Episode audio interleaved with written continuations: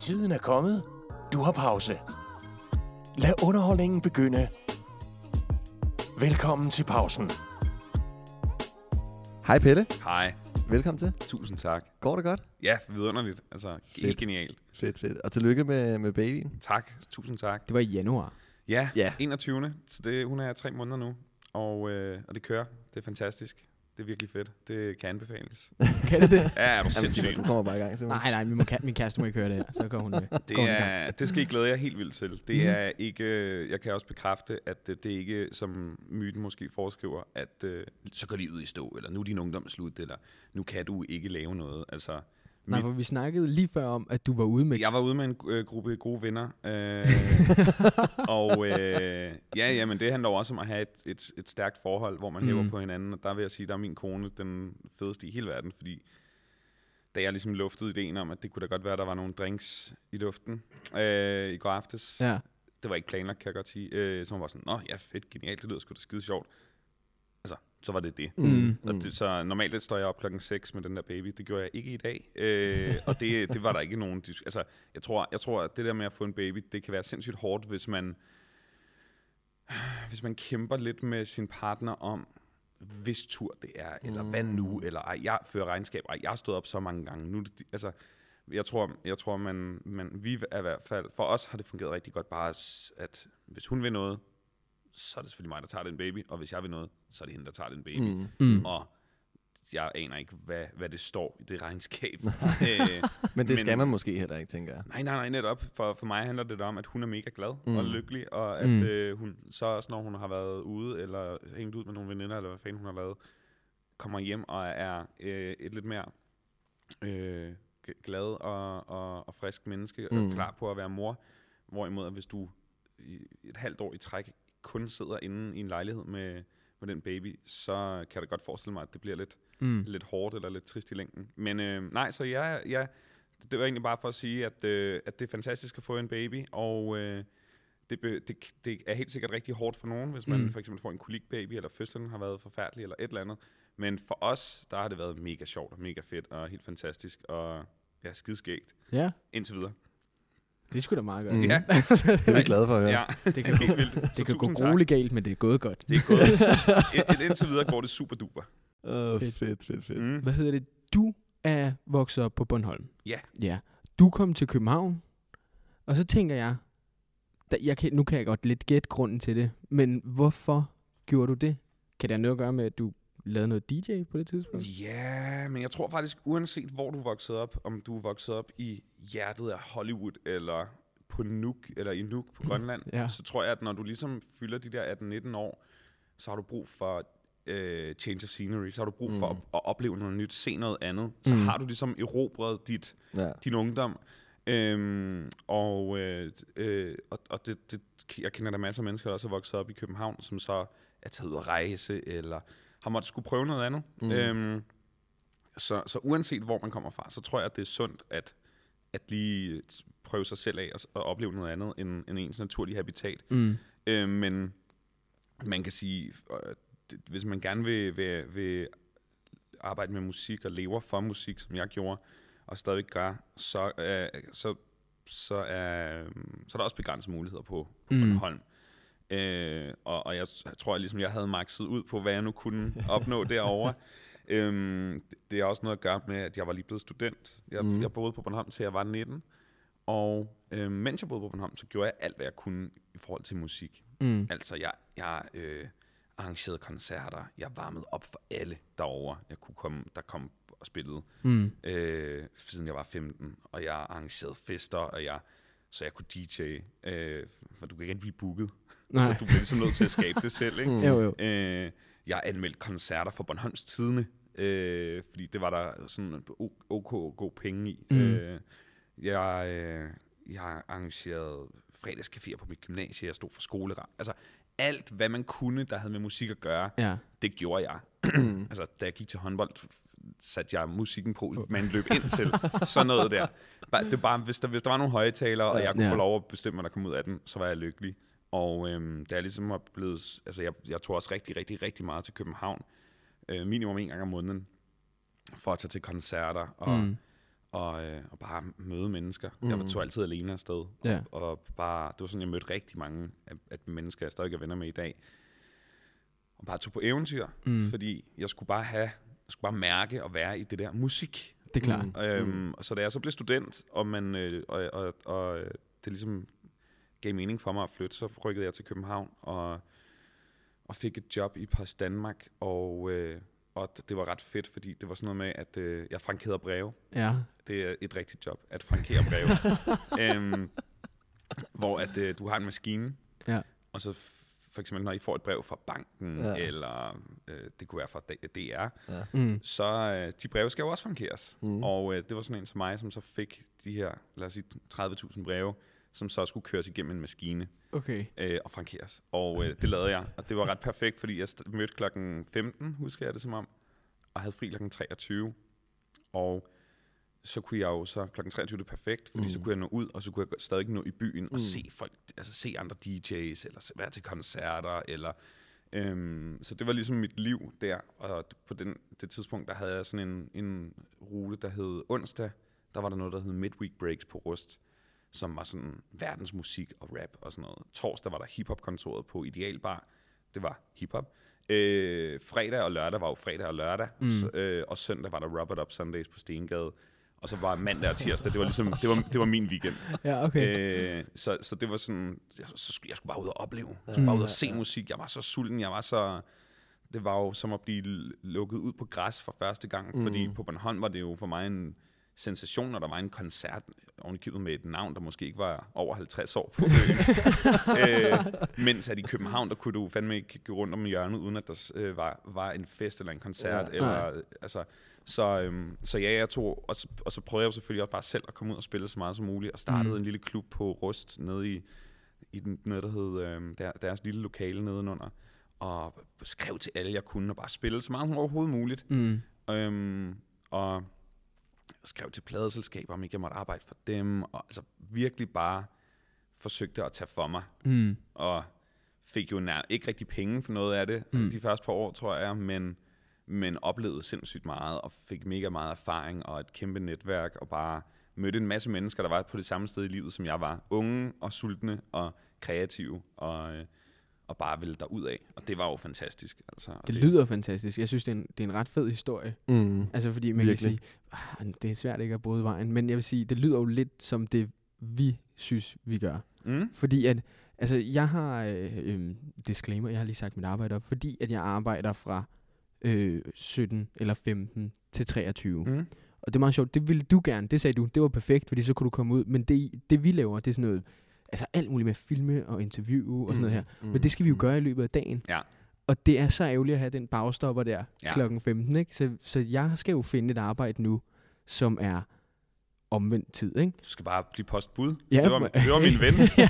min ven var postbud. Det var fuldstændig genialt også. ja. Så kunne vi tale sammen om formiddagen. Så han, så, det var før vi kørte, altså det var, han var en gammel mand, så han havde, øh, han, han tog en, sin telefon om, i, pas, fast på hovedet med en elastik om hovedet, og så snakkede vi på hele hans rute. Ej, sjovt. Og så han, fordi han skulle møde klokken 9 eller sådan Mm. noget. Og så fik han også trænet, fordi det var op og ned af nogle trapper og sådan noget. jo, Det skal I bare gøre, den er super. Det gør vi. Og de har fået elcykler nu, jo. jo, jo, jo. Åh oh, ja, Og postkasser i... Sindssygt. I, øh, Ja, i opgangen, Ja. så Ja. du løb- løber op. jeg er fra før elcyklerne. er der noget, er der noget, altså er der sådan en bestemt ting, du kan huske første gang, du kommer til København? Ja, altså, det der er store, mange af dem her, der, fordi, jeg, fordi at jeg, jeg vil sige, det er jo både angstprovokerende, men det er også fantastisk at gøre tingene mm. alene. Mm. For lige så snart du tager over med en ven eller flere, så lukker man sig om sig selv. Ja. Hvis du tager afsted alene, så, Mm. så bliver du nødt til at falde i snak med nogen. Ja. Ja. Det gjorde jeg i hvert fald. Øh, og jeg er ret genert. Altså, det, det, det, det falder Er mig du ikke. Ja. Er du det? Det, er sgu da meget vildt. Men, altså, så, men, men det bliver du jo bare nødt mm. til. Mm. Og det er sådan lidt uselt. Men så falder man i snak med nogen. Og øhm, for eksempel var jeg, jeg var kæmpe Malte Coyne-fan. Altså Mm. mm. gigantisk, er stadigvæk. De var virkelig, de fyldte hele min verden, og, jeg tog, og derfor fulgte jeg også med, da Big Stock startede. Sådan, åh, sindssygt.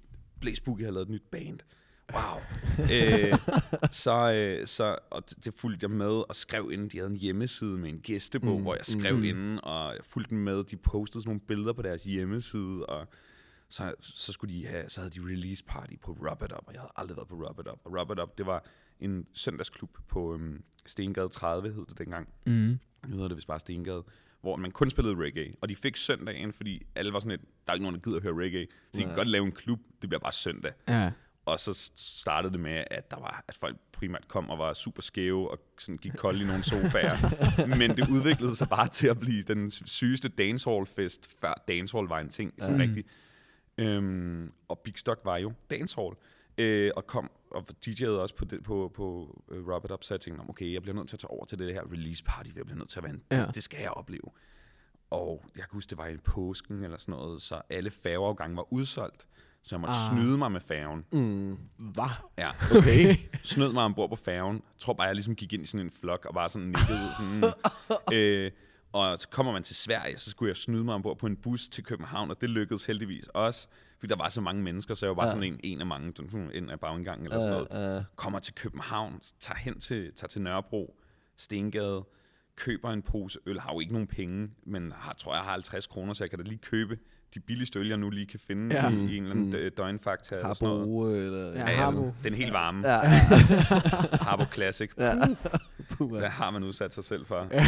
Kæmpe skud ud til Harbo. Altså Ja. tak for, for trods alt at give os øh, unge fattige en chance for at blive Ja. ja. fulde. ja. Står der, alle, kan du huske, at det tydeligt kommer hen til Stengade, og, og det er jo en, det er jo en del af i dag der er Nørrebro jo en forældrekøbs oase af caféer. Mm. Sådan. Mm. Dengang var det lidt noget andet, uden at det var på nogen måde sådan, følte mig truet, men det var da lidt vildt at komme der som sådan en teenager fra Bornholm, og så stille sig op i den der mørke kø en søndag aften med en pose Harbo.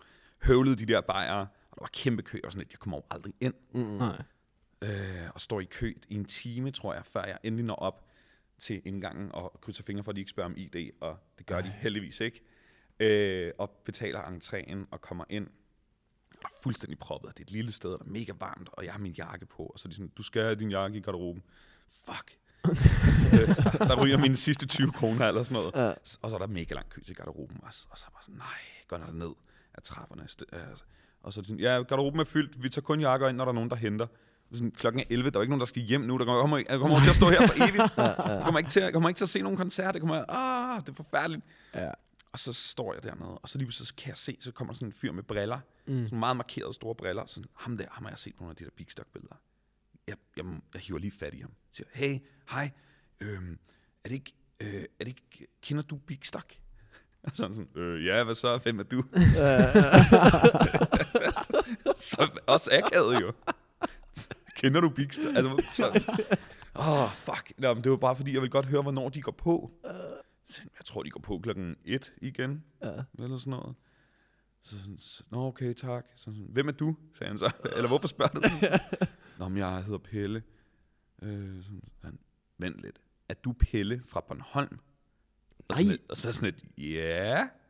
Fuck, hvor sygt. Og så åbner han sådan en dør ind, som viser sig at være til backstage-rummet. Nej. Og så råber han bare ind i rummet. Pelle fra Bornholm er her. Øh, og så vender de sig om, og så er det Nå, Big Stock det- og Natasha og alle, og så er de sådan lidt, nej, hvor sygt. Det er, er, er han med en pille i roberen, eller hvad? Nej, nej, nej. Nå. Det er fordi, at jeg har jo skrevet ind på den her gæstebog, fordi jeg var så meget nørd, at det var ligesom mit fællesskab. Så de troede, de troede, at Pelle fra Bornholm var en karakter. De troede, det var en af deres venner, der trollede dem.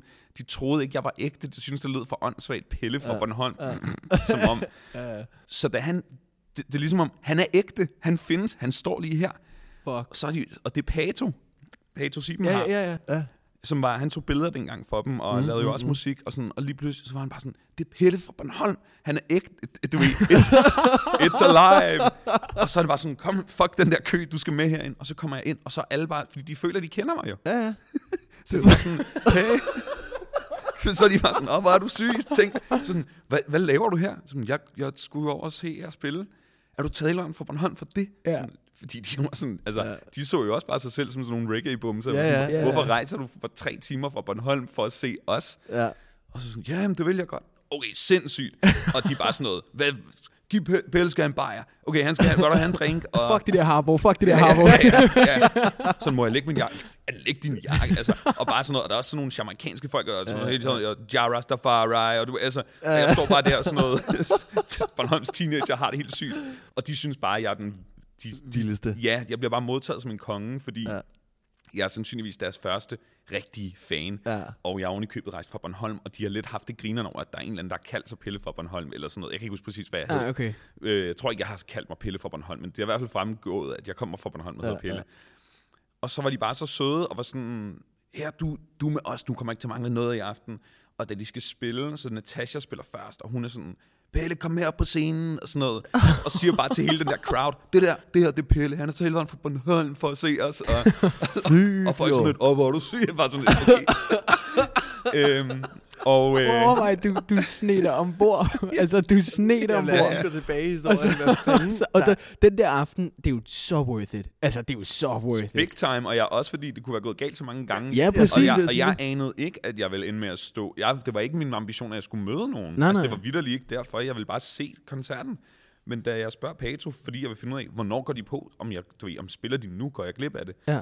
så ender det med det der. Og det fede ved det var, at, at det blev lidt et, øh, et eksil hjem for mig. Altså når jeg var i København, så derfra så tog jeg altid på Rub It Up, fordi der vidste jeg bare, der var der nogle mennesker, der brændte i hvert fald lige så meget mm. for musikken, som jeg gjorde.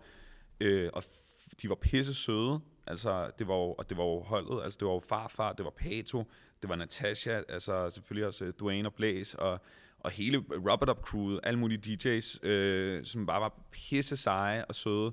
Og jeg fik et, et VIP-kort, så jeg kunne komme gratis ind og sådan noget. Det vidste jeg slet ikke, man kunne få. Det kunne man. Det fik jeg, så jeg kunne også altid få gratis øl. Og sådan. Det var bare sådan, shit, på Bornholm er jeg en musiknørd. Herover der, der sætter de pris på, at jeg går op i der- musik. Ja. Øhm, og, og så, så det var fantastisk for mig, virkelig. Øh, og det, så det var virkelig sådan et, et, et vigtigt møde og en vigtig aften. Og det, var, og det viste sig jo lidt, at, at når man... Det beviste jo også over for mig, at hvis du bare... Hvis du dyrker noget, og du ja, møder nogle mennesker, eller der er ikke så meget at være bange for, folk skal nok være søde og tage imod dig, også selvom at du selv tror, at du er en eller anden nørd fra provinsen, fordi de synes jo bare, det var... De satte jo pris på, at jeg var taget fra Bornholm for det. Øhm, og en kæmpe aften jo. Altså, og så kom jeg rigtig meget på Robert op der og mødte en masse mennesker, og, og sådan var det generelt. Jeg mm. tog på, altså til alle mulige koncerter, alle mulige steder, og mødte alle mulige mennesker, og fik alle sådan nogle her oplevelser. Og da jeg så endelig flyttede til København, så følte jeg, at det jo, så følte jeg mig jo totalt hjemme. Mm. Og nu kunne jeg bare tage de der steder hen hver uge, hvilket var endnu mere magisk. ikke? Mødte, øh, varmet op for rent mel, hed de, øh, på Bornholm, og, og endte med at holde efterfest op i vores lejlighed. Og så var det sådan et, vi tager med jer til København, mig og to venner. Og tog, gjorde det, og, og det gjorde jeg, lærte deres øh, DJ og manager at kende, som hedder Christian Møller. Og, øh, og Møller var, var en mega sej DJ, som spillede på hiphop-kontoret, så jeg kunne ligesom komme ind der og få nogle øl også. Og sådan. Men det var også ham, der fortalte mig om min uddannelse, Mm. øh, music management på Rytmekons, for den tog han. Jeg kunne huske, vi spillede der, vi varmede op for dem, og så holdt efterfest op på mit værelse, og jeg havde pladespiller og sådan noget. Det var sådan sejt, synes jeg. Det, Mm, mm, det mm. var også, sikkert også lidt fedt for dem. Øhm, og så kan han huske, han ligesom hævde mig sådan lidt til side og var sådan lidt, du, du er lidt, jeg tror, du er lidt ligesom mig. Altså, du er sådan lidt den, der var rapperne i min hiphopgruppe, jeg havde en hiphopgruppe. Sådan. Og rapperne havde selvfølgelig temmelig meget, sådan lidt mere fart på, og var lidt mere stor i slaget. Og så mm. var der Mm. mig, som var, jeg DJ'ede, jeg var også ham, der ligesom arrangerede koncerterne. Ja. Jeg, sådan, Mm. og han var sådan, jeg tror lidt, altså, jeg, jeg, jeg tror, vi har det lidt på samme måde. Vi kan godt lide at få tingene til at ske, men vi har ikke nødvendigvis kæmpe behov for at stå eller forrest. Mm. Mm. Du skal bare lige vide, der er den her uddannelse, den hedder Music Management. Jeg har lige startet på den. Den er rigtig syg. Den handler, den er for os. Den er for sådan nogen som os. Sådan nogen, der godt vil arbejde med musik, Ja. men ikke nødvendigvis synger eller spiller på den måde. Øhm, sig lige til, når du flytter til København, eller sådan noget. Og det var og Møller, han er, gik så sidenhen og ligesom fandt, det er ham, der signede Rasmus Sebak, for Mm. eksempel, og Johnson, mm. og en milliard andre. Øh, og på den måde mødte, mødte, man, mødte jeg bare alle mulige mennesker, øh, som hjalp mig rigtig meget og sagde, gør det, eller du skal lige prøve at tale med dem her. Og, og, ja, og jeg søgte så ind på Music Management, og endte med at, at komme ind der. Det er en, en, en uddannelse på Rytmisk Musikkonservatorium, som ligesom er en musikbrancheuddannelse. Så det er, hvis du vil arbejde med musik, men ikke nødvendigvis laver musik. Mm. Så det kan være, at du kan få et job på et pladeselskab, eller på en festival, eller som lave management, eller et eller andet. Ja. Så det er en sindssygt god Så uddannelse. det er, det er ligesom behind the scene-agtig Ja. uddannelsen. Ja, totalt. Anders, som er Head of Booking på Roskilde Music Management, uh, Head of A&R Warner Music Management, uh, Orgie fra Suspect Music Management. Altså sådan Nå, okay. rigtig mange dygtige mennesker, rigtig mange innovative øh, iværksættere i musikbranchen øh, er gået, kommer fra den uddannelse. Øhm, Jeg bliver simpelthen, jeg bliver simpelthen nødt til at sige, jeg synes, det er for vildt. Altså, jeg synes bare lige, jeg Ja, sidder ja. fuldstændig med hanen på gulvet, eller med altså, kæben på gulvet, fordi jeg synes, det er for vildt, at det, jeg lærer lige nu, det er, øh, for det første, øh, hvad hedder det, lad være med at lade andre være en hemsko for dig, sådan at du skal have en marker med. ja, ja, ej, Gør det selv, og hvis det er, ikke? Og tu- turde spørge. Bare sådan spørg. Sig noget, fordi du, øh, åh, han ligner sgu da en, jeg har set før. Jeg snakker lige med ham. Prøv lige at overveje. En dør- Du skulle nok have nået dig til alligevel, fordi du havde et så højt drive. Men det er sådan, hold nu kæft, det gik stærkt. Ja. Bare fordi du turde. Mm. Bare sprang ud i det. Og også fordi, jeg tror, at, at alle, der ligesom er i, i hvert fald den verden, Mm. er jo startet på samme måde. Der er ikke synes, det er nogen, så det, det, er jo ikke noget, du får for, altså, du, alle har lidt måttet skabe det selv. Ja. Pato er jo et sindssygt godt eksempel også. Han var ligesom, det var jo ham, der åbnede døren ind til det der backstage-rum, men blev jo også min øh, øh, elskede samarbejdspartner i det, der hed White Pony, som var sådan et DJ-crew, vi havde, og vi turnerede Danmark tyndt, og syge var, på, der var, de på, der. var, på turné med, var på turné med Nephew, og de spillede Shit, mand. Altså sådan en helt sindssyg Ja, ting, ja. ja, ja. hvor at jeg også var helt, altså... Og, og, og Pato var jo også ham, der ligesom nærmest lavede sådan et kreativt værksted for rigtig mange af lyddrengene. Mm. De kunne altid komme ned i hans studie og lave nogle ting. Og, sådan, altså, så, og, og han er et ret godt eksempel også på det der med bare åbne arme og, og, og, og lad os bare lave noget. Lad os bare have det sjovt. Lad os se, hvad det bliver til. Øhm, men ja, ja det, er, det, det, har, det har virkelig været... Og jeg prøver også virkelig at praktisere det i dag Mm. Øh, i, det, i det omfang, jeg nu har tid og, og overskud, at, at hjælpe folk videre. Eller, øh, der er mange, der skriver. Jeg modtager bare i min mail mellem 50 og 70 numre om ugen. Mm. Øh, så hvis jeg også oven i det skal forholde mig til alt, hvad der lander på Instagram og så videre, det, det kan jeg simpelthen ikke. Altså, Mm. der er så mange øh, timer, er der bare ikke i døgnet. Også fordi, hvis jeg skal gøre det, vil jeg gerne gøre det ordentligt. Øh, jeg vil ikke bare Mm. sige, fed sang. Hm. Ja. Altså fordi, hvad så? Ja. Kan man stå og Øh, øh, skrige lidt i stuen? Ja, så er det det. ja, men eller også bare sådan, hvad skal du gøre med det? Altså, jeg vil hellere være konstruktiv og sige, nå, det er fedt med det her nummer, men har du Mm. overvejet at gøre sådan her i C-stykket, eller den kunne godt lige bruge et mix, eller altså, hvad fanden det nu end kunne være. Jeg har det lidt som om, at det, altså, øh, at høre en sang gør jo ikke noget. Mm. Altså, det gør virkelig jo ikke. Så har jeg hørt den, okay. Så Ja. hvis jeg ligesom skal høre, høre den, og give Mm. kritik, eller give et godt råd, så tager det bare lang tid, så kan jeg jo, altså, Mm. men i det omfang, jeg nu har mulighed for det, så forsøger jeg da at hjælpe folk, eller give et godt råd. Øh, og det er også derfor, jeg elsker at lave karrierekanonen på, på B3, fordi at det er virkelig øh, en til en at tage nye navne, og hjælpe dem videre med Ja. ja. at tage det næste skridt på egen hånd. Ikke? Altså, at det er ikke noget, vi gør for dem, men man kan jo give nogle gode råd og noget sparring, og så kan de selv gøre det og blive mm. gode. Mm. Øhm, det, det, det synes jeg er helt fantastisk. Der er ikke noget, altså, der er ikke noget federe end at se folk lykkes. Der er ikke noget federe end at se et navn, så hvor man har kunnet mærke en eller anden gnist i dem, og så, og så give dem en chance, eller, eller en, enten spille dem i radioen, eller sige, prøv lige at tale med det her label, eller manager, eller hvad Mm, fanden det nu mm. kunne være. Mm. Øh, og så to år efter, så se dem på en stor scene, Ja. fordi de gjorde det godt. Altså, og ikke fordi jeg gjorde det godt, men fordi de gjorde noget godt, fordi de er dygtige. Det er en kæmpe lykke for mig at se de der navne vokse og blive store, Ja. og følge deres rejse, og, og sige godt gået. Og så ved man jo godt begge to, hvor man var for et par år siden. Mm, ikke? jo. Øhm, og det, det, den oplevelse har jeg været rigtig heldig at have mange gange, med rigtig mange fede navne, og, og ligesom være, være en, der måske lidt tidligt troede på dem, Mm. og, og, og, og, øhm, og så meget som det nu lige gav mening, kunne sige, prøv at gøre det her, eller bliv ved med det, du gør, det er fedt. Og så et par år efter, så står de et andet sted i deres liv og karriere, og, og, og, og, og det er nogle gange først der, man finder ud af, hvad det betød dengang, man ligesom sagde, har du overvejet at gøre det her, eller hvad fanden det nu kunne være, ikke? Klart. Det er virkelig, det, det er rørende at se mennesker forløse deres potentiale. Det er sindssygt smukt, synes jeg, og det, det er fantastisk at, at se de der mennesker blive den stjerne, det måske altid var meningen, at de skulle være. Det, det, det stimulerer mig uendeligt. Hvad med, hvad med dig selv? Altså, hvad, med, mm. Hvad er det næste så for dig? Altså, man kan sige, ja, vi synes jo, at du Ja. er stor. Oh, øh, Emil Lange, da vi snakkede med ham, han kaldte dig jo øh, Mr. P3. øh, og, øh, og du har det her kæmpe netværk, og du, Mm. Du har fandme også lavet meget. du har lavet altså, virkelig. virkelig meget. Når man går ind på din LinkedIn og Ja, lige kigger altså- lidt, så hold nu op, der er jo læsning til fire uger. Nå, men altså bare DR-sektionen, ikke? Ja, ja. Puff, den rører bare... Øh, men øh, hvad er det næste så for dig? Altså, Ja. hvordan kan du blive lige det? Altså, jeg tror, det er i hvert fald vigtigt for mig at understrege, at der har jo aldrig været en plan. Altså, det, jeg, har, ja, jeg har lavet 10 milliarder forskellige ting, og, mm. Øh, og også helt sikkert nogle, nogle fede bedrifter og kæmpe eventyr imellem alt det. Øh, men det har aldrig været, altså jeg har aldrig haft en plan. Det har aldrig Mm. været planlagt, at jeg skulle arbejde på B3 for eksempel, eller at jeg skulle være radiovært. Altså aldrig. Øh, eller lave podcast. Det er alt sammen noget, jeg lidt er snublet ind i. Ja. Øh, øh, så så, så, jeg, så, så der, derfor er svaret også, at jeg ved jo ikke helt præcis, hvad det er, fordi det, det, det er altid, det opstår altid bare. Det, det er ikke sådan noget, det er sjældent, jeg lægger en plan og siger, om to år, så vil jeg godt øh, lave en podcast-serie om dansk rap. Eller sådan. Det, det, er ikke, det er ikke sådan, det sker. Det er meget sjældent mere sådan en, ja, jeg snubler ind i det. Altså hele P3-tingen for eksempel, startede egentlig kun fordi, at jeg, jeg, kom, jeg gik på music management, og jeg Mhm. tænkte, jeg skal leve af musik. Det bliver jeg nødt til. Altså, Ja, jeg skal arbejde med musik. det bliver simpelthen, det, det, det, sådan skal det bare være. Og det eneste, jeg ligesom kunne forestille mig på det tidspunkt, man kunne leve af, når nu jeg ikke skrev musik, øhm, det var at arbejde på et pladeselskab.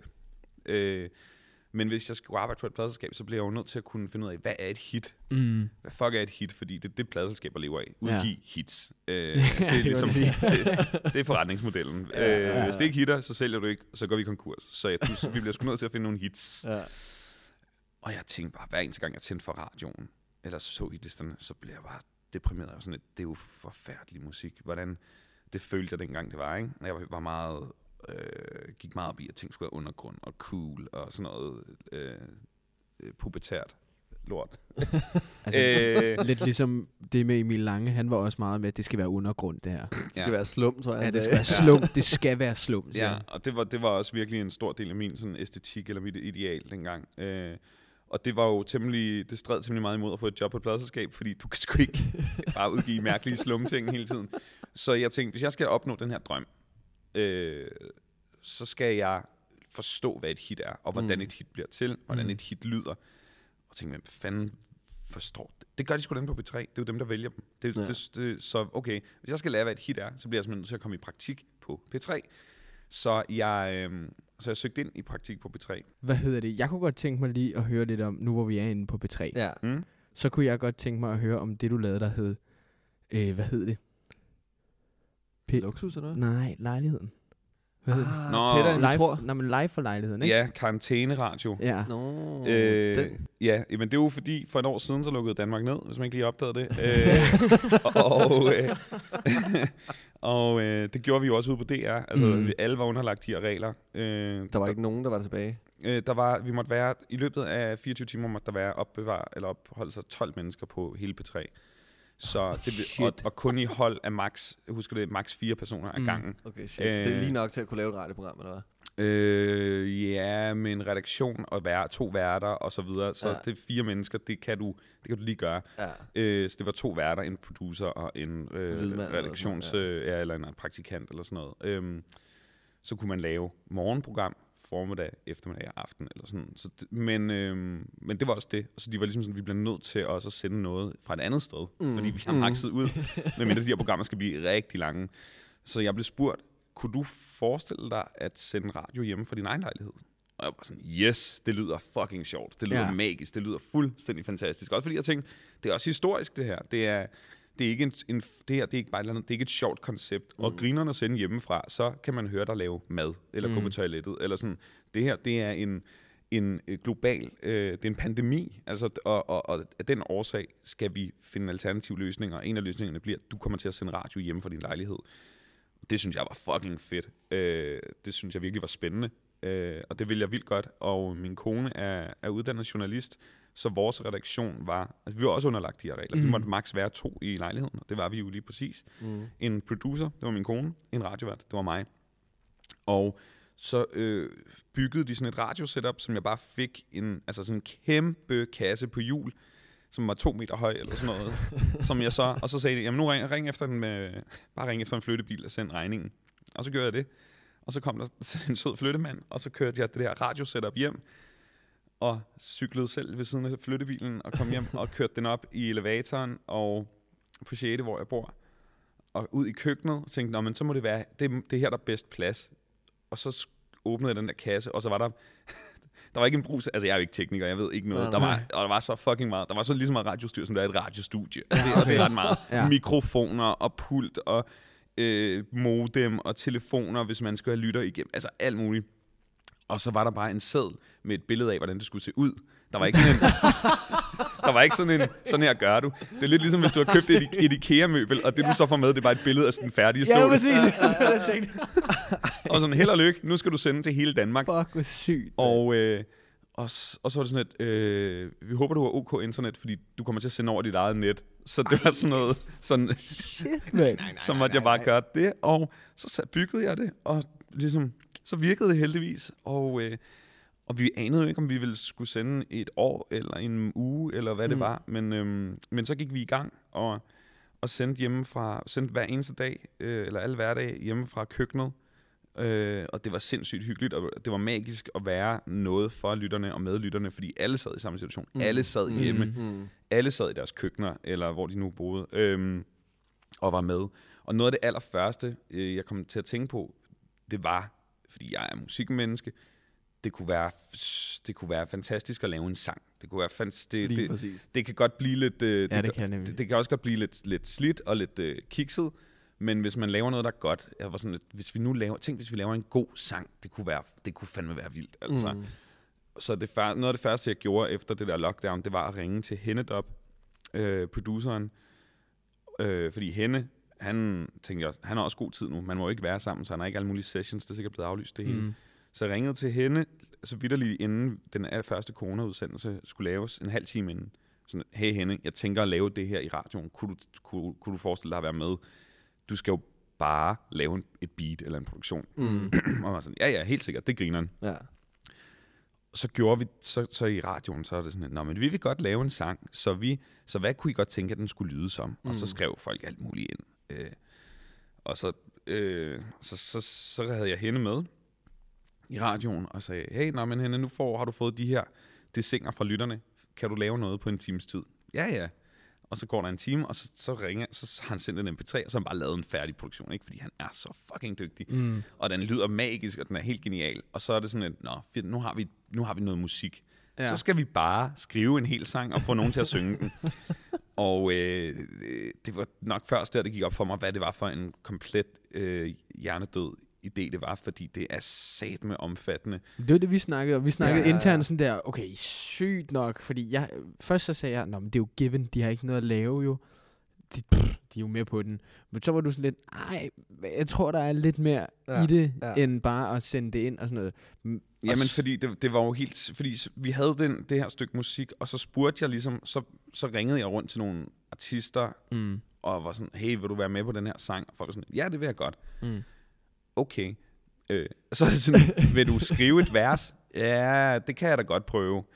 Øh, og så der skete bare ikke noget. Altså, der skete ikke en skid, fordi det, er- det er sindssygt svært at være den første. Det er sindssygt, ja. man blotter sig jo rigtig meget, Mm. og det skulle være på dansk, og det skulle, være, altså, det skulle ikke være en engelsk Nej, nej, Nej, nej. oh, this uh, corona, altså sådan, fuck, Ja, ja, ja, ja, ja. så, og mange af navnene sang, skrev ikke på dansk, og jeg husker, jeg husker, Jada var en af de første, der sagde ja, jeg tror Mads Langer sagde ja ret tidligt også, øhm, Clara sagde ja, T- øh, der var lidt forskellige øh, folk, der sagde ja, men der var ligesom, der skulle være nogen, der skulle skrive noget, Mm. og der, det kom bare ikke. Og jeg kunne ikke tvinge dem sådan, skriv nu noget, fordi folk har været sådan lidt, ja, det vil, jeg da, det vil jeg jo godt, men jeg kan ikke gå i studiet, så det bliver hjemme på mit værelse eller på min mobiltelefon. Ja. Så til sidst, så, så, jeg sådan, hvad fanden gør jeg, mand? Ja, Okay, hvem er alt? Okay, hvem er altid? Hvem kan skrive noget?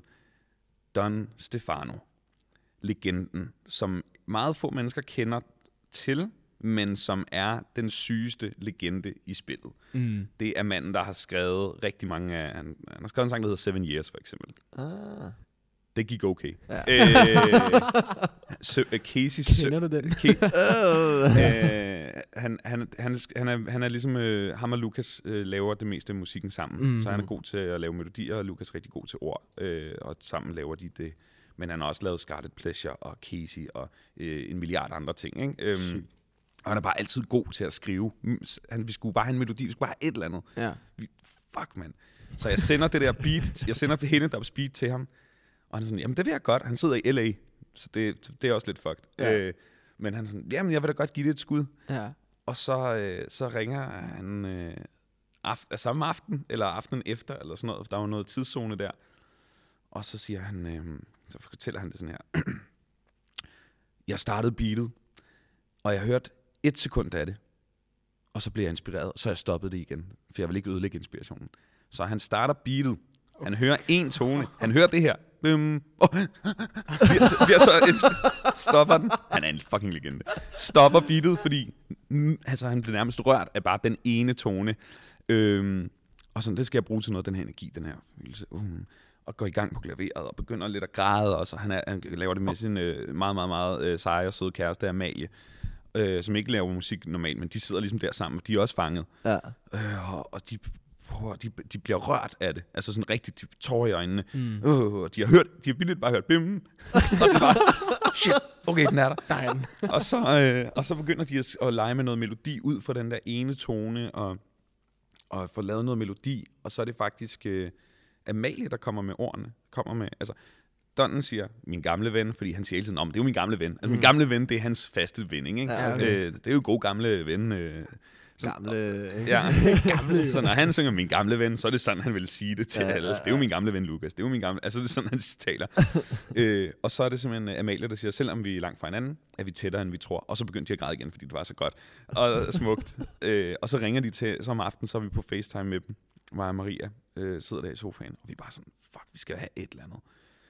Hø, og så spiller de det for os, og så er vi sådan, "Shh, okay, det sgu da ret godt, det her omkvæd. Mm. Men det er også lidt fucked, fordi de har jo kun hørt en tone af Hennedops ting, så, de, så han skal, Henne skal lave melodien helt om, fordi Ja, de, har, ja. de, de har lavet alt andet øh, anderledes end det, der var.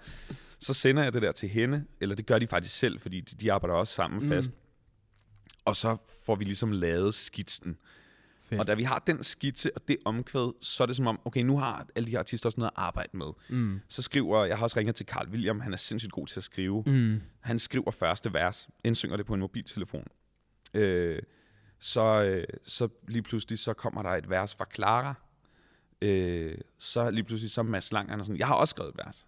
Okay, men nu har vi for mange vers. øh, vi merger de to, så det er faktisk første halvdel af verset, det er Clara. Øh, Første del af andet Ja. vers, det Mhm. er Clara. Det anden halvdel, det er Mads, der har skrevet det. Så får vi ligesom klistret det sammen på en eller anden måde. Og det er jo også lidt svært, fordi Det er her, det. her er nogle mennesker, der virkelig har skrevet noget følsomt og noget på dansk. Og Ja, det, ja, ja. Mads skriver ikke på dansk normalt. Mm. Clara skriver ikke på dansk normalt. Det er ligesom, så det er ret vildt for dem at ja. gøre også. Men det lykkes, så får vi jo alle mulige mennesker, der siger ja. Benjamin Hav siger ja, men han er i sommerhus med børnene, så han indsynger sit på en mobiltelefon også, mens børnene er ude i haven. Øhm, vi får et ja fra Tessa. Hun sender et vers ret hurtigt, men det, der lige pludselig sker, det er, at der er en masse pladeselskaber, som sådan lidt, hey, hey, hey, hvad er det, I laver? Hvad har I egentlig gang i her? Ja. Fordi vi har jo en releaseplan. Vi, du kan ikke bare, vi kan ikke bare lige udgive et nummer med Tessa, eller med, øh, hvem fanden, Christoffer. Ja, øh, ja. Og så er vi sådan, hvad fanden, hvad, hvad, okay, hvad gør vi her? Og de, og de Donnen, han har ligesom sagt, "Ej, vi skal sgu også prøve at få Lukas med. Og, men Lukas er lidt presset her, fordi Mm. Lukas' øh, søde øh, kone Rilo øh, er højgravid. Altså som i, hun kan føde any second, ja, okay. det skulle være. Ja. Plus, han har nogle andre sange, han skal færdiggøre. Og der er ligesom et vindue, hvor I du kan spørge øh, Lukas om ting, fordi han har så meget at tænke på. Det, Ja. det er et temmelig sygt job at være Lucas Graham. Så ligesom, vi skal spørge ham på det rigtige tidspunkt. Og så, til, så, så venter vi faktisk tre uger på at spørge Lukas. Shit. Og vi ved, at hvis Lukas siger ja, Ja. Så er alle de her pladselskaber, så er de sådan et, helt sikkert, I kører bare, for alle vil gerne, have, alle, alle vil gerne lave et nummer med Lukas. Ja, Ja. ja. ja. Hvis Lukas siger nej, så er der rigtig mange af de her navne, som bliver trukket. Ikke fordi de ikke selv vil, men fordi Mm, deres... Men pladselskabet ja, ja, går ind og altså, siger, hey. Ja, og det, og det er helt forståeligt. Det, det er meget, det er jo, pladselskaberne skal jo forsvare deres Mm, investeringer, mm, deres navn, mm. og det, de skal jo ikke bare være med på et eller andet, bare fordi, at ham der idioten fra radioen synes, det kunne være fedt. Det skal ligesom give, nå, men det skal jo ligesom give mening i det større Ja, billede. Jo, jo, ja, klart. Så det er helt fair. Så det er ikke sådan en, de onde pladeskaber. Det giver total mening. Så vi bare sådan, fuck mand, hvornår kan vi spørge Lukas? Ah, vi har, altså, det, det passer ikke lige i dag, og det passer heller ikke lige her, og om han skal lige ordne det her. Han skal, fordi hvis han er for stresset, så siger han bare nej. Mm. Og så en dag, så, øh, så hører jeg rygter om, at de vist nok har spurgt, og, og det er noget med, at ja, Rilo er jo højgravid, så der er jo også sådan meget corona man skal virkelig passe på, han må ikke få det, fordi så kan han ikke være med til fødslen. Så han, jeg hører rygter om, at han er vist, han er vist nok blevet kørt ud i, i et sådan forsejlet studie. Og, men jeg ved ikke helt, og hører ikke noget, og til så ringer jeg til hende. Og, og skriver sådan, hey, ved du, hvad der sker? Og så, ring, så taler vi sådan lidt, så siger han, Jamen, har du, har du fået vokalerne? Så siger, jeg, nej, jeg har ikke fået en skid. Og så trykker han play, og så har han dem. og så er jeg bare sådan, yes, vi har Lukas. Boom. Og når, og lige snart vi havde Lukas, så var alle de andre bare sådan et, go, kør, yes, så er det, vi kan offentliggøre Ja, ja, ja. Tessa-verset. Tessa-verset havde vi i tre uger, hvor vi kunne fortælle om det, fordi vi vidste ikke, om det ville komme på. Vi, der var alle Fordi at, at, at pladeselskaberne gik ind og ligesom var sådan... de skulle ligesom være sådan, vi kan ikke, altså Tessa skal jo ikke bare lave et nummer med, du ved, Benjamin, der har sunget noget i et sommerhus på en mobiltelefon. Nej, Helt fair. Helt forståeligt. nej, nej. Øhm, og lige pludselig så falder alle de her brikker bare på plads. Bum, bum, bum, bum. Ja, ja, ja. Go, go, go. Og der er også alle mulige navne, som så kommer der og siger, jamen så vil vi godt nu, men hvor det bliver for sent, fordi nu Ja. er sangen fyldt op, så der er også nogle navne, som man aldrig nogensinde kommer til at høre om, skulle måske have været med på det nummer. Men øh, det, det, det må vi jo gøre næste gang, vi får en øh, pandemi. Og så kommer, så bliver sangen, øh, vi får alle de her takes, eller vi, hende, fordi det er hende, der, der laver alt det her arbejde. Jeg ringer mest rundt, snakker med pladeselskaber hver dag, Ja, ja, ja. artister, øh, øh, DR. DR skal jo udgive det. Mm. Alle skal blive enige om en procentsats. Hvad går pengene til? Altså UNICEF også. Altså, ja, ja. samtidig med også, de laver et radioprogram hver dag i tre timer hjemme fra mit køkken. Helt fucked. og, også- og vi skal også have artwork. Altså alle sådan nogle syge ting. Ja. Og så til sidst, så kommer sangen ud, og så... Ja, og den var fire og et halvt minut. Altså, der er jo ikke nogen i verden, der laver en sang så lang. Øh, og det slutter af med et halvt minut strygertema, fordi Risi, som også er en, en af fra Lukas-holdet, Ja. han er sindssygt god til at producere stryger. Skal vi ikke have nogle stryger på, at Stefan sådan lidt, jo jo, helt sikkert, om jeg tager lige ned til Risi, så Risi laver alle de der violiner. Ja. Det er ikke noget, man lige gør. Man skal være ret, du skal faktisk være rigtig dygtig for at komponere det. Det får vi også på. Og så udkommer den, og jeg er, sådan, jeg er lidt spændt, fordi altså, er, det, er det noget, der bare virkede som en god idé? Kommer det til at... sk- Altså, er det overhovedet en sang, folk reelt vil høre? Eller Ja. er det bare noget, der var lidt sjovt i radioen? Det gik meget godt, kan man sige. Ja, fordi så, øh, så går den fandme nummer et. Øh, altså sådan, vi, jeg kan huske, det er de første dage, der kravler den sådan lidt op, og sådan, men lige pludselig, en, jeg tror lidt på dag tre, så ligger den sådan nummer et på Spotify. Det er ret godt. Så ligger den også nummer et på Ja, det- iTunes. så, Det må ligger, sige. så ligger den nummer et på Tidal. Den, er sådan, den ligger nummer et overalt. Ja. Altså, så det er sådan, der er ikke et sted, hvor den her sang ikke er den mest hørte, mest spillede, mest streamede, mest købte. Og den går nummer et på hitlisten også, og ligger der i to uger. Vi på førstepladsen og bare bliver liggende, og det er som om, det var, en, det, var en, det var en sygt god idé, men det var også, det går helt godt tilbage til noget af det, som øh, Stefan og Hennedop sagde helt i starten, det var, okay, hvis vi skal lave det her, Mm. så skal det være den bedste af de her sange, der er lavet. Vi skal ikke lave noget bare for at gøre det. Det skal være fucking godt. Det skal være super ambitiøst. Og, øhm, og det var jo ligesom ånden i det. Og det tror jeg ligesom alle blev smittet af. Ja. Okay, det, det er godt, for der var mange, Ja. ja. altså, vi skal, det husker man måske ikke i dag, men der var rigtig mange, der lavede en coronasang dengang. Der var Mm. alle mulige, der lige lavede deres. Var det det? Ja, det var der. øh, Det har jeg slet ikke lagt mærke til. Nej. Der var også nogle, øh, en masse amerikanere og sådan noget, ikke? Som også, Nå, men jeg tænkte mere danskere. Der, Der, der var også en, en, masse gode, en masse sjove danske bud. Og det, jeg tror, at det der lidt var, blev, blev al, vi alle troede jo, at corona kommer til at vare fem minutter, og så skal vi på festival. Ja. Så folk var sådan lidt, vi skal lave en coronasang, det skal gå fucking stærkt, for vi skal have den ud om tre dage. Og det så, gjorde Danne Bros. De lavede en coronasang. Ja, sikkert, og der var, altså, der, der var, ret, der var ret mange mm. bud. Men hastværk kan nogle gange godt være lastværk, Ja. og jeg tror, vores gave var, at vi havde sådan, så, så, så koldt øh, vand i blodet, vi nu kunne, og tog det den tid, det nu skulle tage, for at få de navne med, vi gerne. Vi kunne snilt have udgivet den længere inden, uden Lukas og en masse andre navne, for at være hurtige. Mm. Men det, der gjorde den god, var, at vi ligesom ventede, og den blev ordentlig og gennemarbejdet, og hende var et, det geni, han er, og Donnen også, og alle hjalp til, som de gjorde. Øhm, Du må sige til, hvis jeg husker forkert, men offentliggjorde I det ikke i ligesom bidder? Jo, men det gjorde vi offentliggjorde, jo, fordi der, men det var jo, det var i real time også, Ja. ja. fordi vi offentliggjorde navne, når vi vidste, vi havde dem. Mm. Det var ikke sådan noget med, Nå, men så lig, vi fik et ja fra alle første dag, og Ja. så placerede vi dem. Altså, vi vidste ikke, hvem der var med på sangen en uge inden. Jeg hørte bare, da, da Tessa, jeg kan huske, at jeg hørte den, øh, eller, den dag, da Tessa kom på, Ja. der var jeg sådan der, what? Og, og Mm. du var også ret, Mm. det lød som om, du var ret struck over, at den ligesom var gået igennem. Jeg var lykkelig. Tessa Ja. var en af de, jeg tror Tessa var nummer to, jeg ringede til. Ja. Og de sagde, Tessa, Tessa og, og hendes øh, hvad det hedder, manager Jesper, de var bare, kør. Ja. Men Tessa var også midt i et udgivelsesforløb. Så hendes Ah. pladeskab var sådan et, ja, det er da en god idé, Mm. men hvordan passer det ind i vores virkelighed? Mm. Hvornår skal den udkomme? Hvad, hvem er ellers med? Alt det her, ikke? Som, som, som et hvert forsvarligt pladselskab ville spørge. Mm. Fordi, Mm. hvordan får det vores artist til at se ud, hvis det bliver en pissang? Hvis det bliver en rigtig lortesang? Det kunne det, ja. helt ærligt, Ja. det kunne det sagtens have været. Ja. Så selvfølgelig skal, så, vi, så jeg havde det der vers i tre uger, hvor jeg vidste, jeg havde verset, men vi vidste ikke, om vi måtte bruge det. Så den dag, hvor jeg endelig kunne spille det for andre, fordi jeg vidste jo godt, det er et fucking godt vers, det er et sygt vers, og mm. det er dejligt at høre det fra Tessa, som var blevet på det tidspunkt ble- blevet, blevet øh, smidt lidt i en boks af kun at kunne sige bandeord. Ja. Så det var mm. rigtig dejligt at også vise til resten af verden, at hey, hende her, hun, er, hun er, har en del mere, end det I tror, øh, at byde på. Øh, så da vi endelig fik go, da vi fik go fra Lukas, så kunne vi sige go, så kunne vi spille Tessa-verset, mm. og så kunne vi spille nogle af de andre også, ikke? Øhm, og så tror jeg, vi sluttede af med at fortælle, at ja, Lukas er også med på sangen, og det gjorde vi en fredag, og mandagen efter kom sangen så ud. Og øh, ja, og den fejrede lige et etårsjubilæum i forleden dag. Mm-hmm.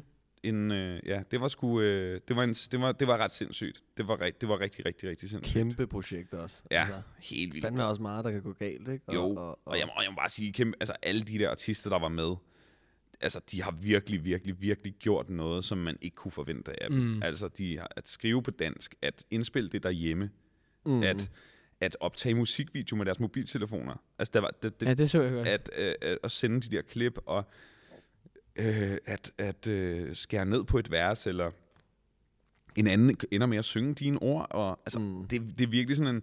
Der er meget stolthed, der skal begraves, og meget, øh, meget ego. der skal pakkes væk. Ja, og, det, det, og, og som vil være så forståeligt, hvis de ikke gjorde. Mm. Og det gjorde de bare alle sammen. Og alle var, alle var bare så fede, altså. Hold det, kæft, det var vildt. Sige, det jo også det smukke i, i, i sådan en situation, hvor at, at hele verden er fucked. Ja. Og så kan man stå sammen. Mm. Ah, med men det, totalt. Der var nogle, og der var nogle rigtige, ja, det, det var, det var, jeg kan, men jeg, og det, altså også bare Lukas, hans kone kunne vidderligt føde, altså hvert sekund det skulle være, Mm. og gjorde det jo også tre dage efter, eller sådan noget, han havde indspillet. altså, så det, det, han havde ikke behøvet at gøre. Nej. det der.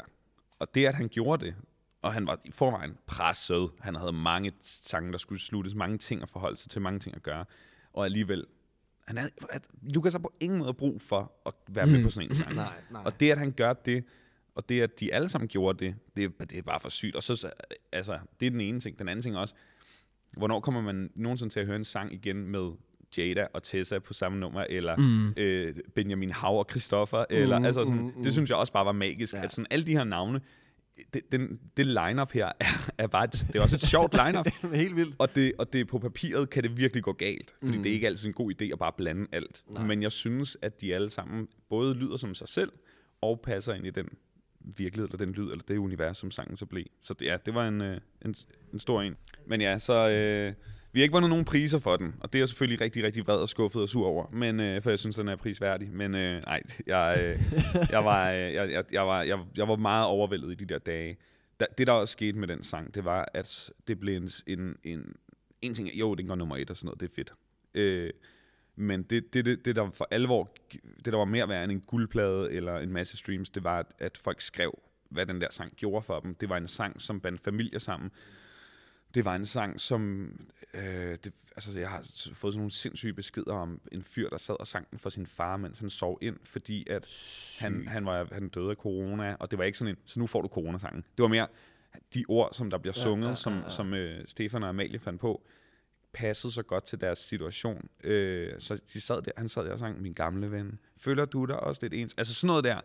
Eller øh, sådan nogle, øh, der var en, en, en, en øh, pige med en lungesygdom, som ikke kunne komme i skole, så hele hendes klasse gik hjem og sang sangen foran hendes øh, hus. Øh, på, på skoler og plejehjem blev det en, sådan en fællessang, Ja, man gjorde ja. hver dag i, i 12 eller til frokostpausen. Men det er jo, altså... Jeg har fået kuldegysning Så- tre gange. Ja, så ja. det er sådan en, så på den måde, så blev den også det, vi håbede på, at, at mere end at det var en sjov idé, så var det, en, så var det jo også et håb om, at det, kunne, det var noget, der kunne give folk en, et, et lys i en ret mørk tid, eller en påmindelse om, at det nok skal blive godt igen. Men det er det, der er så fedt ved musik også. Mm. At, at du kan tage de der toner og, og ord, og så kan man, alle kan bare blive Mm. mm. berørt af dem. Alle kan bruge dem, og de kan sætte sammen i hvilken kontekst man vil.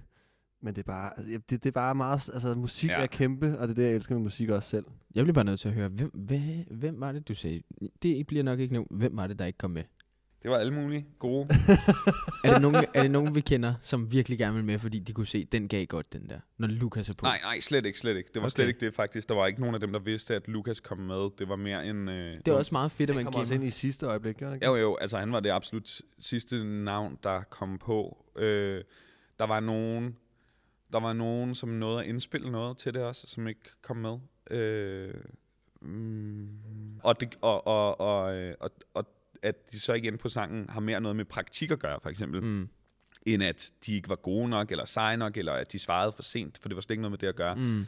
Øh, men, der var, men jeg spurgte jo rigtig mange navne, øh, og som, som til at starte med øh, var sådan, uh, lad os lige se, eller lad os lige...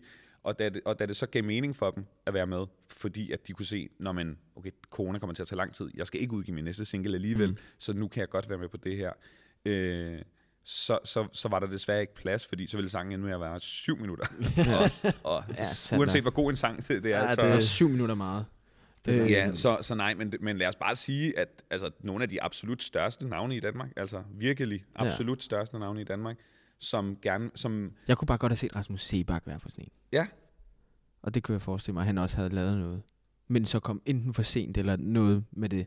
Men jeg kunne godt se Rasmus Sebak på den. der. Uh, hvor du graver, hva'? Nej, jeg siger bare, jeg kunne godt have set Rasmus Sebak på den. Og jeg siger, vi skal ikke have, om han har gjort det. altså jeg kunne da have set alle på den. Jeg kan Ja, nærmest, ja, jeg, Jo, jeg, men altså, han jeg, har passer svært ved at se, jeg, jeg er nærmest svært ved at se, hvem kunne ikke være på den sang. Ja, det er rigtigt nok. Altså Pattesutter måske, er, er, den er svær at se. Emil Lange. Men Ja. Lange kunne godt have været på den. Lange, der lige skulle sk- været scratchet lidt til sidst. Ja, præcis. Øh, Bare lige for lige at høre, alt det her, der sker så meget.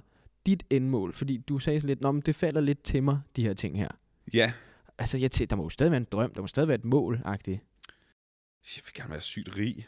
Er det målet? Nå, men altså, det er et Nej, det er, ikke, mål. det er ikke et mål, men det kunne da være dejligt. Så kan jeg bo lidt større sted og give min, datter, give min datter en pisfed barndom, Ja, og også komme ud og, og prøve at rejse og sådan noget. Jeg var aldrig ude at rejse, da jeg var barn. Altså Mm. aldrig været i London en gang, fordi min storsøster boede derovre. Nej, to gange. Det er ligesom det. Ja. Ja, Okay. Så jeg har aldrig været ud. Altså det, det er der, det, nu, hvor jeg så øh, har været det her, jeg har både arbejdet lidt på Post Danmark og, og nogle andre jobs, der har gjort, at jeg har kunnet tage ud og rejse, så er det da en, det er da ked af, jeg ikke havde, at vi ikke havde råd til. Mm. Øh, nej, jeg har, jeg, har, ikke- jeg har ikke sådan en... Øh, jeg, jeg tror egentlig, når jeg tænker over ting, så skal det bare være noget, som jeg, som jeg synes er spændende, eller interessant, eller Mm. mm. sjovt. Øhm, noget, som jeg savner i Danmark, er det gode tv-program om musik. Jeg synes ikke, vi har et tv-program, der, der elsker musik højt nok. Vi har nogle pissefede formater i, øh, i, og succesfulde formater i form af øh, Toppen af Poppen og, og X-Factor, som, som er gode til at bruge musik til at fortælle nogle historier. Øh, Mm. men det handler ikke så meget om musikken, som det handler om menneskerne. Mm. Og det, det, kan jeg, det er jeg overhovedet ikke sur på. Øh, men jeg føler lidt, jeg føler lidt, at Danmark og, og danske musikere fortjener et program, der tager dem seriøst. Ja. Øh, for dem, de er, for det musik, de har lavet. Mm. Og hvor de ikke skal alt muligt andet for at være... Altså, hvor de ikke skal gøre sindssyge ting for at være med i et underholdningsprogram eller noget andet. Nej. Men hvor det simpelthen er, øh, hvor, hvor de kan få lov at shine. Så det, kunne da være, det vil jeg da gerne øh, prøve at være ham, der laver, for jeg tror, at jeg vil kunne gøre det godt. Mm. Men det er ikke sådan en, det skal jeg, eller det har jeg taget det næste skridt til. Jeg skal lave, jeg udgiver en bog om lidt med min kone, Fedt. Okay. om at komme igennem et knust hjerte. Det er jo heller ikke planlagt. Nej. Nej. Altså, det er jo hende, der var til møde på Gyldendal om noget helt andet. Og så kom til at tale om den her bog, fordi vi havde talt om, at vi begge to havde, da vi havde et knust hjerte hver for sig for et par år siden, øh, havde vi tænkt på, hvorfor findes, ikke, hvorfor findes det ikke? Hvorfor er der ikke en... Hvis jeg brækker benet nu, så kan mm. jeg ringe 112, og så, øh, så kommer Så er der en ambulance, hjælpe ja. og så, øh, så kan jeg om aftenen sidde derhjemme og Ja. spise noget lækker mad. ja. Men hvis, jeg får, hvis mit hjerte bliver knust, Ja. som er 100 gange mere smertefuldt, værre og alvorligt, end, Mm. mm. end at brække et ben, så er der ikke, der er ikke noget at gøre. Nej, Der nej. er, ikke, der er ikke noget at gøre. Du må ringe til en ven, eller du, men der er ikke den der, det, det er det her, du skal. Og det, det savnede vi i hvert fald. Så vi, øh, så nævnte hun det for Gyldendal. Var sådan, okay, kæmpe idé. Øh, det skal I bare gøre. Mm. Så, så, jeg, skal- så nu, så gjorde vi det, så har vi skrevet en bog. Fuck, Fuck, ja. Ja, det er virkelig tosset, men det er også virkelig fedt, fordi det er blevet den bog, vi lidt... Altså, det er blevet en bog, som handler om, hvordan, man, hvordan vi i hvert fald, hvad der hjalp os, da vi havde det svært hver især. Øhm, og det er jo virkelig også et Mm. tilfælde, big time. Jeg kommer, der kommer en dokumentar om lidt om 2. verdenskrig, som jeg lavede. Igen, Okay. kæmpe tilfælde. Øh, Altså, som du har lavet. Hvilken, det er helt fucked. rolle har du haft der? Jamen, øh, nu skal I høre. Jeg var øh, igen... Prøv at det her, det, det, er bare, det er bare også, så I forstår, hvor tilfældigt det hele er. Både med helt tilbage fra Robert op til tættere, end vi tror, til at skrive en bog til at lave den her Ja. øh, dokumentar om 2. verdenskrig. Det starter med, at jeg for et år siden er dommer til Melodi Grand Prix'et, ja. øh, som også er en, en sjov historie. Men øh, lad nu det ligge. Øh, et par dage efter Melodi Grand Prix, så er der en, der ringer fra DR Event, hedder det. Det er den afdeling i Danmarks Radio, som står for de store events. Melodi Grand Prix for Mm, eksempel, mm, eller mm. hvis en kongelig har fødselsdag eller sådan noget. Og så siger de, hej, hej, hej, øh, nu skal du høre, det var pisse hyggeligt forleden dag, god dommer. Vi skal til at lave et event om 2. verdenskrig, øh, fordi det er 75 år siden Danmark blev befriet. Øh, og vi skal have sådan nogle øh, halvkendte typer med, der lige kan sige et eller andet om deres familie under 2. verdenskrig. Mm. Øh, der er en, et par stykker, der har sagt, ja, øh, vil du være med? Mm. Så sådan "Pff, ja, altså, jeg, jeg tror ikke rigtigt. Jeg har ikke lige, jeg var ikke med i hvert fald under 2. verdenskrig, men, men har, du, har, du en, har din familie ikke en historie? Og så sådan lidt, det tror jeg sgu ikke. Og så sådan lidt, men altså, jeg ved, jeg har hørt lidt en historie om min oldefar, som jeg aldrig har mødt, men at han vist nok tog nogle billeder af en hemmelig bombe, som blev smuglet til London, og hvis nok endte hos Winston Churchill, og gjorde, at de måske indledte et angreb på nogle tyske bombefabrikker, og de, jeg tror nok også, de flygtede til Sverige, og tyskerne kom efter dem, og, og øh, men jeg kan ikke, jeg, det er en, altså, jeg tror, det er en historie, jeg har hørt to gange i hele mit liv, så jeg Ja. ved ikke, om det Mm. er rigtigt. Jeg ved, ikke, om det, jeg ved helt ærligt ikke, om det her det er noget, min hjerne lidt finder på, eller om det, eller om det er rigtigt. Og så ham der i telefonen var sådan, det lyder fuldstændig sindssygt. Ja. Altså, det, hvis, kan du lige finde ud af, om det, om det passer? Mm. Fordi så tror jeg faktisk ikke, at du skal være med i de der to minutter i det der fede øh, Ja. ja. jubilæumsevent. Det skal vi da lave, det her. Ja. Og så, jo jo, og så googlede jeg det. sådan, googlede min oldefars navn. Og sådan lidt, jeg vidste godt, der var noget om det, men jeg vidste ikke, hvor meget af det passede egentlig. Mm, er det ja. noget, jeg står og finder på? Altså helt ja, ærligt, ligesom ja, det der med, ja, ja. når man har hørt noget, og man lidt prøver at udfylde hullerne selv. Ja. Klart, Nå, klart. men det viser sig så, at det holder temmelig godt stik. Sygt. Og så, Nej, det er så, løgn. så det er bare sådan lidt, det der, det er for sindssygt. Øhm, vi laver en dokumentarserie om det. I, det er et søndag aften kl. 20. Let's go. Så det har jeg brugt det sidste år på. Kommer her til mig. Så, og det, men det, er bare, det illustrerer ret godt, at fordi lige om lidt, så er der en masse mennesker, der kommer til at kende mig som værende ham der fra den der Mm. øh, krigsdokumentar. Ja. Og det har jo aldrig nogensinde, øh, nogensinde i mit liv været noget, hvor jeg tænkte, åh, det kunne også være sygt at lave en dokumentar om min oldefar. Altså aldrig. Nej. Mm. Men, men, men nu, det, nu forstår I måske bedre mit liv, Ja, fordi ja, ja, det hele er sådan lidt, det er noget, jeg sådan lidt kommer snublende ind i. Og hvis jeg synes, det lyder sjovt, eller fedt, eller interessant, eller spændende, Mm. eller vigtigt, så siger jeg ja til det. Mm. Øh, altså, så, Ja. ja. så, så, så øh, og det samme med P3, altså grunden til, at jeg jo kom i praktik på B3, var fordi jeg ville regne ud, hvad et hit var. Så da jeg øh, kommer ind på B3 og ligesom sidder der et halvt år og lytter efter, og forstår mekanismerne bag, hvornår man skal sætte et, hvornår er en artist klar til at blive spillet i radioen, hvornår er en sang god til at blive spillet i radioen, alt det der. Så efter at have været der et halvt år, øh, så bliver jeg spurgt, om jeg vil give et bud på et program til P6 Beat, fordi de har 700 programmer om, øh, hvor fed øh, rockmusik var i 90'erne, øh, men de har meget lidt om andet, andre genrer, Mm. så de vil gerne have noget om, noget om det urbane musik, og de har ligesom forstået, at det har jeg okay styr på. Nu har jeg oven i købet været i praktik på P3,5 år, så jeg har måske også et begreb om at lave radio. Mm. Øh, kunne jeg tænke mig det? Og sådan, jeg kan da godt prøve. Men det var ikke aldrig en, jeg havde aldrig tænkt at skulle lave radio. Og så kom jeg med et bud på, hvordan sådan et program kunne lyde. Og så sådan, vi tager det. Det er super. Nu er du radiovært. Og så er det jo bare vokset. Så, øh, er der, så det har aldrig været sådan en, jeg skal udgive en bog. Mm. Jeg skal lave en dokumentar. Jeg skal være Det er radiovært. ret vildt. Det er altid bare sådan en Ja. sådan, sådan ting, der sker, fordi at jeg... Ja, jeg ved sgu ikke. Altså, hvis man nu skulle overføre he- hele dit liv og alle de ting, du Ja, har ja. oplevet og sådan noget, og sagde, okay, øh, hvis jeg skulle give et godt råd, Mm. ud fra mine erfaringer og sådan noget, Mm. til unge, eller bare folk, der går og mangler lige et, et spark eller noget, hvad vil du sige, det skulle være? Måske at du selv ville have hørt. Jamen, det er vel jo bare egentlig at, at, at, at, at gå for den big Mm. time hele vejen, hvis du har noget, du synes er spændende, eller interessant, eller drømmer om. Fordi jeg tror rigtig meget er muligt øh, i det øjeblik, man, man, man tør gøre noget ved det. Om, Ja. Omvendt så er det sådan temmelig klart, at der kommer ikke til at ske noget, hvis du intet gør. Altså, Det er rigtigt. Øh, ja, altså, altså, altså, og, og- jeg føler, noget af det, jeg er allermest ked af, at jeg aldrig har fået gjort, øh, det er, at jeg ikke har lært at producere, for eksempel, eller, mm. eller øhm, begyndt at lave musik selv, fordi det, det er jo ligesom det, er det sidste hak, jeg lidt synes, jeg savner eller mangler.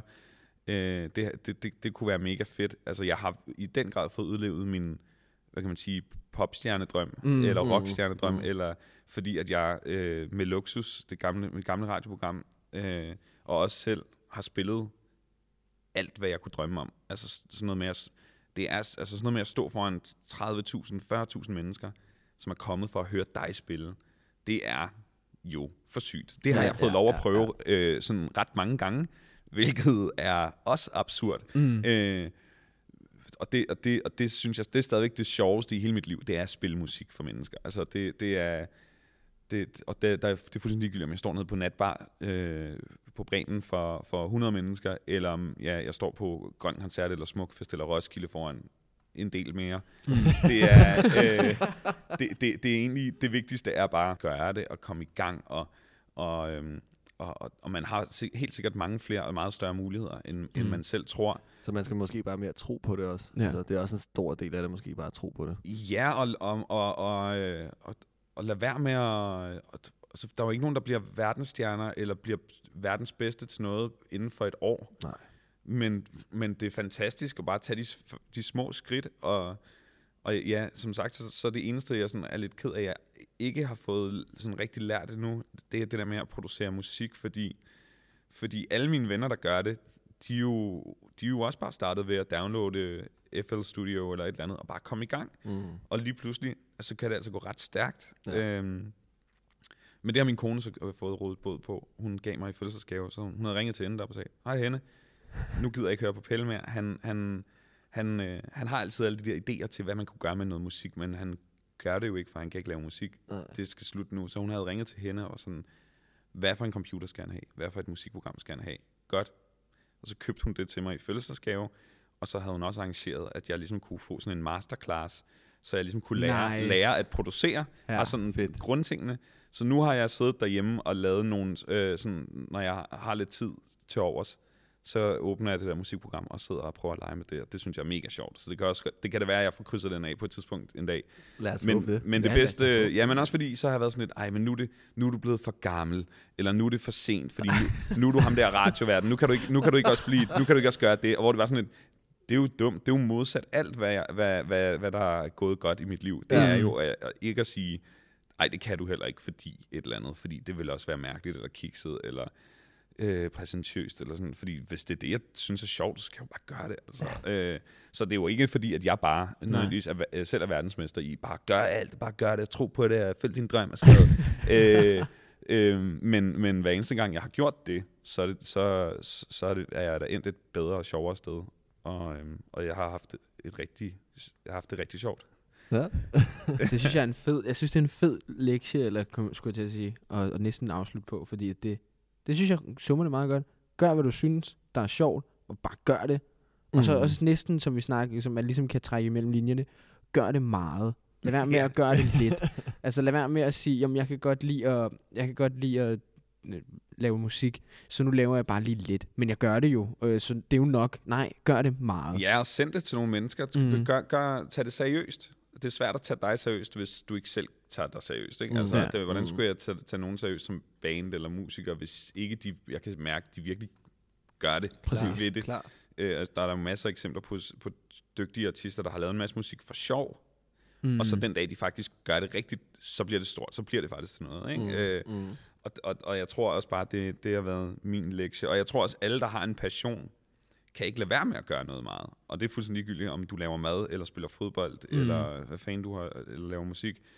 Så er det jo det, du gør, fordi du elsker det. Og hvis du så oven i købet også tør at sende det til nogen, eller gøre noget af det, så, så kan det jo være, at det, det, det faktisk er, at det, der kan blive dit liv en dag. Mm. Og det er, det er for vildt. Jeg, jeg vil være helt ærlig at sige, jeg havde da ikke regnet med noget af det her. Altså, jeg, jeg ville bare godt spille plader. Altså, jeg ville bare godt ud. Jeg ville bare godt spille på, øh, på det lokale diskotek.